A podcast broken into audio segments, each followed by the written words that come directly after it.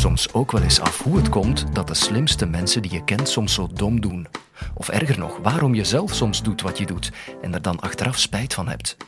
Wouter Duik is psycholoog aan de Universiteit van Gent en zal je hier iets wat troosten. Je bent niet alleen. Waarom nemen rationele mensen domme beslissingen?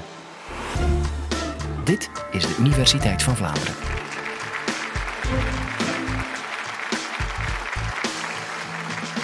Mensen zijn de meest intelligente dieren op deze planeet. Geen enkele andere soort is erin geslaagd penicilline uit te vinden, of het internet, of het wiel. Geen enkele soort is erin geslaagd de ozonlaag naar de knoppen te helpen en vervolgens te herstellen. Dus we zijn duidelijk de slimste wezens op deze planeet. Maar vandaag ben ik hier om jullie te vertellen over de schaduwzijde van dat fantastisch verstand. Want ons wetenschappelijk onderzoek heeft aangetoond dat ondanks die fantastische intelligentie, dat mensen heel vaak grote denkfouten maken. En dat dat ervoor zorgt dat ze heel onverstandige beslissingen kunnen nemen. Daarover wil ik het vandaag met jullie hebben. Ik wil beginnen met een kleine demonstratie onmiddellijk van de feilbaarheid van jullie brein. Niet van jullie brein natuurlijk, het zijn alleen de breinen van de andere mensen die feilbaar zijn. Maar toch, kijkt u eens naar de prent die op de schermen achter mij ziet. En op die prent zien jullie twee grijze ruitjes. Ze staan gelabeld, er staat een letter A en er staat een letter B op. Als ik jullie zou vragen, beste mensen, vinden jullie, denken jullie, dat het ruitje A een verschillende kleur heeft dan het ruitje B? Wie denkt dat ze een verschillende kleur hebben? Jullie mogen de handen opsteken. Grotendeel van de mensen. Nochtans, beste mensen, kijkt u even mee wat er gebeurt als ik alle onbelangrijke informatie rond die ruitjes wegneem. Alle lijnen en kleuren verdwijnen, behalve de twee ruiten. Dan zie je, en we hebben echt niet vals gespeeld, dan zie je dat die beide ruitjes perfect hetzelfde kleur zijn. Dus zelfs een eenvoudige taak als waarnemen welke grijswaarde een bepaald vierkantje is, zelfs daar slagen jullie fantastische breinen niet in. Laat staan dat jullie moeten inschatten hoeveel een aandeel van Google waard is op de beurs. En weet u, beste mensen, wat het ergste is? Kijkt u even opnieuw naar de schermen. Als ik die irrelevante informatie terugplaats, dan ziet u wat er gebeurt. De vakjes lijken opnieuw een verschillend kleur. Ik heb het u net uitgelegd en u heeft er helemaal niets van geleerd. Dit soort optische illusies, dat verrast me niet, want dit soort optische illusies is heel klassiek onderzoek in de psychologie. We kennen dat al 40 jaar. Maar het is pas recent dat men ook gaan onderzoeken is of mensen ook slechter zijn in veel moeilijker beslissingen. Niet wanneer je moet kiezen welk vierkantje het donkerste is, maar wanneer je belangrijke levensbeslissingen moet nemen. En dat onderzoek heeft aangetoond dat mensen ook bij dat soort beslissingen grote fouten maken. Veel van dat onderzoek heeft zich gefocust op financiële en economische problemen en daarom noemen we die wetenschap gedragseconomie. En het is die gedragseconomie die ons geleerd heeft waarom slimme mensen domme beslissingen nemen. En dat heeft eigenlijk drie redenen. De eerste reden waarom mensen domme beslissingen nemen is omdat wij Jullie niet, maar wij als soort ongelooflijk lui zijn. Nadenken vergt energie. Gewoon een telefoonnummer onthouden is al ongelooflijk moeilijk. Het vergt energie en daarom doen we het liever niet. Jullie kijken een beetje sceptisch, dus laat me jullie even meenemen naar een klassieke studie waar men mensen die toch heel verstandig zijn, artsen, heupchirurgen in dit geval, ging gaan bevragen van kijk, er komt hier een boer in uw praktijk, die man is 67, hij heeft heel veel gewerkt eh, op zijn tractor en nu is zijn heup versleten en u heeft beslist om hem te opereren. Dat is wat heupchirurgen doen, heupen opereren. Maar dan ging men 300 artsen benaderen en men zei aan die artsen van beste artsen, ondertussen weten we dat je zo'n operatie in sommige gevallen kunt vermijden met een bepaald medicijn, ibuprofen. Wat doet u, beste artsen? Laat u de operatie doorgaan of gaat u toch nog eens het pilletje proberen? Gelukkig, goed nieuws, dokters zijn verstandige mensen. De helft van de artsen beslist om te wachten met de operatie. De andere helft besluit, ja, we zullen toch eerst even het medicijn proberen. Goed nieuws. Nu komt de kat op de koord. In een andere conditie benaderde men 300 andere artsen, even goed opgeleid, even goede dokters. En men zei kijk, je kan die operatie voorkomen niet door één medicijn, ibuprofen, maar we weten dat je die operatie kunt vermijden door twee medicijnen. Er zijn positieve gevallen gemeld van ibuprofen en ook van een tweede medicijn, piroxicam. En wat bleek? Je zou denken dat artsen in zo'n geval natuurlijk minder geneigd zijn om te opereren. Want er zijn dubbel zoveel alternatieven. Exact het tegenovergestelde gebeurde.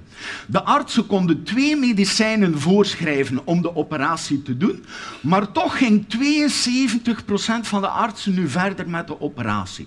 Wat was er gebeurd in hun brein? Wel, als zo'n arts moet kiezen wat hij doet, en hij weet van, kijk, als ik de operatie niet doe, dan moet ik nog steeds kiezen tussen die twee medicijnen. Dat is heel moeilijk, het is heel lastig om dat soort beslissingen te maken. Conclusie, de artsen kiezen voor wat ze gewoon zijn. Heupchirurgen opereren heupen en ze gaan gewoon voort met de operatie. We zijn dus cognitief ongelooflijk lui. Maar er is ook nog een tweede reden waarom we denkfouten maken. En die tweede reden is dat we heel vaak afgeleid zijn door irrelevante informatie. Door informatie die er helemaal niet toe doet. De bekende gedragseconoom Daniel Kahneman, Nobelprijswinnaar trouwens in de economie, als psycholoog. Die bekende gedragseconoom die noemde dat visiati. Dat is een moeilijk woord, dat staat voor what you see is all there is. We laten ons leiden door de informatie die, ons in onze omgeving omringt. En in zo'n klassiek experiment van Kahneman haalde hij proefpersonen naar het labo en hij liet hen aan een rad van fortuin draaien. En dat rad dat was een beetje gesaboteerd. Het kon enkel stoppen op de getallen 10 of 65. En daarna vroeg Kahneman, beste proefpersonen, hoeveel procent van de landen, volgens u, in de Verenigde Naties zijn er Afrikaanse landen. Dus die vraag heeft niks te maken met dat Rad van Fortuin. En wat bleek? Mensen die voordien op het Rad 10 gedraaid hadden, die schatten het aantal Afrikaanse landen op 25 procent. Mensen die voordien aan het rad 65 gedraaid hadden, die schatten het aantal Afrikaanse landen bijna dubbel zo hoog op 45 procent. Dat is natuurlijk absurd. Die mensen weten dat dat Rad van Fortuin niks te maken heeft met de VN, maar gewoon het feit dat daar een cijfer verschijnt, fungeert dat als anker. Het vormt een ankerpunt voor ons brein om nadien zelf een getal te genereren. Het correcte antwoord is trouwens 28%, maar dat is hier niet zo belangrijk. Je kan zeggen, wat zijn we daar nu mee? In het dagelijks leven draai ik niet aan raden van fortuin. Uh, of raderen van fortuin, ik weet het meervoud niet zo goed. Um, wel, Datzelfde principe speelt ook een rol als u een jas gaat kopen. En daar hangt een prijskaartje aan een lederen jas van 300 euro. Als we dan vragen aan proefpersonen van hoeveel is deze jas waard, dan zeggen proefpersonen typisch 250 euro. Hangen we aan dezelfde lederen jas een prijskaartje van 600 euro, maar hebt chance, hij is in solden. Vandaag kun je hem kopen voor 300. En dan vragen we hoeveel is dezelfde jas waard. Dan zeggen mensen dat de jas 550 euro waard is. Dus bijna dubbel zoveel. Dus de solden zijn zo'n voorbeeld van een ankereffect. Het is de reden waarom jullie elke dag te veel betalen. Ja. Ander voorbeeldje van datzelfde fenomeen Wisiati. Ik heb iemand nodig uit het publiek Meneer, meneer. Meneer, wat is uw naam? Uh, Jules. Jules. Ik ga u een vraag stellen, denk niet te veel na. Uh, u kunt niks misdoen, antwoord heel snel. Hoeveel moorden gebeuren er elk jaar in Brussel? Uh, 800. 800, oké. Meneer is pessimistisch ingesteld, maar kan er gebeuren. Meneer, meneer, goed antwoord. Opnieuw snel antwoorden. Meneer, hoeveel moorden zijn er elk jaar in het hoofdstedelijk gewest?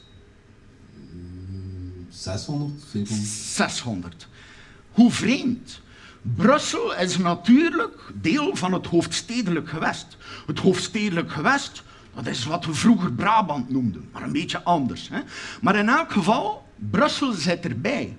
En toch schat meneer het aantal moorden in Brussel hoger dan het aantal moorden in het ho hoofdstedelijk gewest. Hoe komt dat?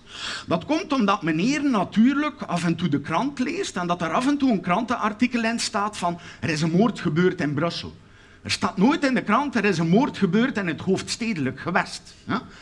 Dat is de reden waarom meneer, als ik hem vraag naar een aantal, probeert in te schatten hoe vaak zie ik in de krant dat er een moord gebeurd is. Dat zorgt ervoor dat zijn schatting voor Brussel hoger uitvalt. Wisiati, all what you see is all there is. We zijn heel slecht in statistiek. We laten ons afleiden door hoe vaak dingen door ons beeld passeren. Ja? Dus tweede reden waarom we denkfouten maken, we zijn te snel afgeleid. We laten ons ook afleiden door irrelevante informatie, niet enkel als we jassen kopen, maar als we geld uitgeven online. Een van de sponsors van dit initiatief, KNAK, die had een groot probleem. Ze boden op een website twee soorten abonnementen aan. Een goedkoop abonnement waarmee je enkel alles op de site kon lezen en een duur abonnement waarmee je zowel online als papieren toegang had. Het duurdere abonnement was heel veel duurder en dus kozen maar een derde van hun lezers het dure abonnement. Maar Knak die hadden in het snotje gekregen dat er interessante dingen gebeuren in de gedragseconomie. En na advies van een gedragseconoom plaatsten ze een derde abonnementsoptie bij hun keuzes.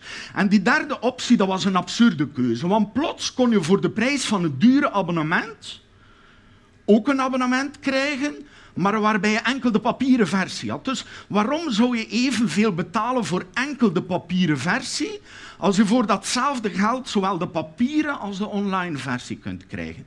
Gelukkig, we zagen dat niemand dit onnozele abonnement koos. Maar wat gebeurde er wel? Gewoon het feit dat dit lelijke eentje toegevoegd werd, zorgde ervoor dat in plaats van vroeger slechts een derde van de mensen voor het dure abonnement gingen, werd dit nu plots 84 procent. Dus gewoon het feit dat je een lelijk eentje toevoegt, een abonnement waar niemand in geïnteresseerd is, zorgt ervoor dat mensen plots allemaal voor de dure optie kiezen. We laten ons te veel leiden door irrelevante informatie. Derde reden waarom we slechte beslissingen nemen. Achter mij zien jullie een prentje van de hersenen. Jullie zien daar een cortex op staan. Dat is het buitenste deel van de hersenen, wat uniek menselijk is. Mensen hebben het, dieren niet. Normaal worden we verondersteld daarmee te denken. Er bestaat ook een ander deel van de hersenen, het limbisch systeem, noemen we dat met een moeilijk woord. Het is het systeem wat verantwoordelijk is voor emoties. Wat blijkt nu uit onderzoek? Dat dat emotioneel systeem heel vaak actief wordt als we heel belangrijke beslissingen moeten nemen. Terwijl je natuurlijk zou willen dat dat met het verstandigste deel van ons brein gebeurt, met die cortex. Klein voorbeeldje. Verschrikkelijk nieuws, u bent ziek, u heeft een verschrikkelijke ziekte en u zult binnen vijf jaar overlijden. Maar, zegt de dokter er onmiddellijk bij, geen probleem, we zijn een fantastisch ziekenhuis, er is een nieuwe operatie, wij kunnen u opereren, het herstel duurt een maand, maar er is 90% kans dat u perfect herstelt en dan is de ziekte ook van de baan. Laat u zich opereren. Wie zou er zich in zo'n geval laten opereren? De meeste mensen. Vergeet wat ik gezegd heb. Tweede situatie, u bent ziek. U heeft een verschrikkelijke ziekte. Binnen vijf jaar bent u er niet meer. De dokter zegt, gelukkig, ik heb een operatie die dit kan oplossen, maar het is wel heel gevaarlijk. Ik doe deze operatie al een tijdje en 10% van mijn patiënten overlijdt binnen de maand. Het is altijd heel triestig. Er volgt een begrafenis, de familieleden wenen. Uw kinderen vinden het natuurlijk verschrikkelijk. Dus het is echt wel gevaarlijk laat u zich opereren.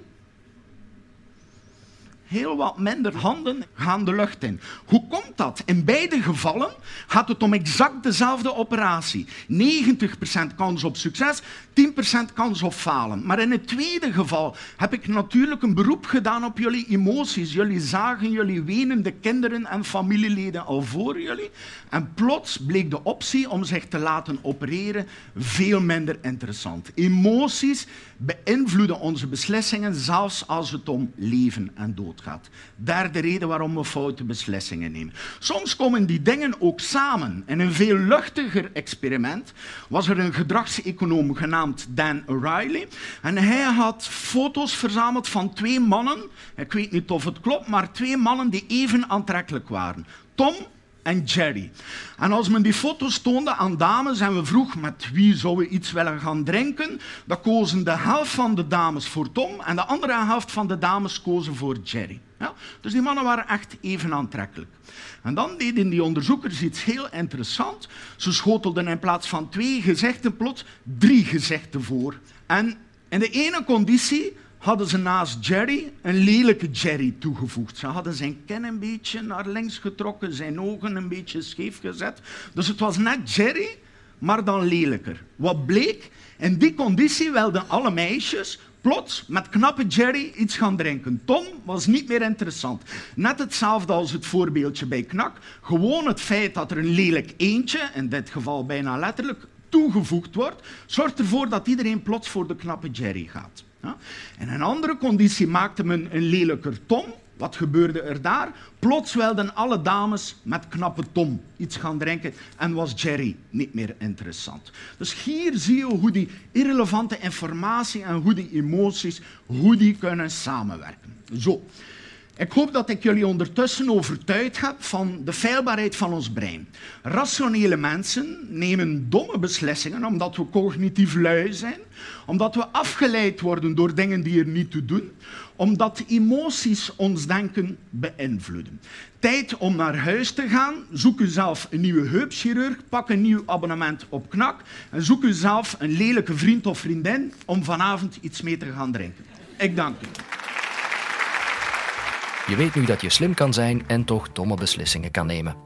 Wat alvast een slimme beslissing is, is om nog een college van Universiteit van Vlaanderen te beluisteren. Bijvoorbeeld of al van voor je geboorte vaststaat hoe oud je wordt, of of piekeren zinvol is. Je vindt de Universiteit van Vlaanderen podcast op radio1.be, op iTunes en op Spotify.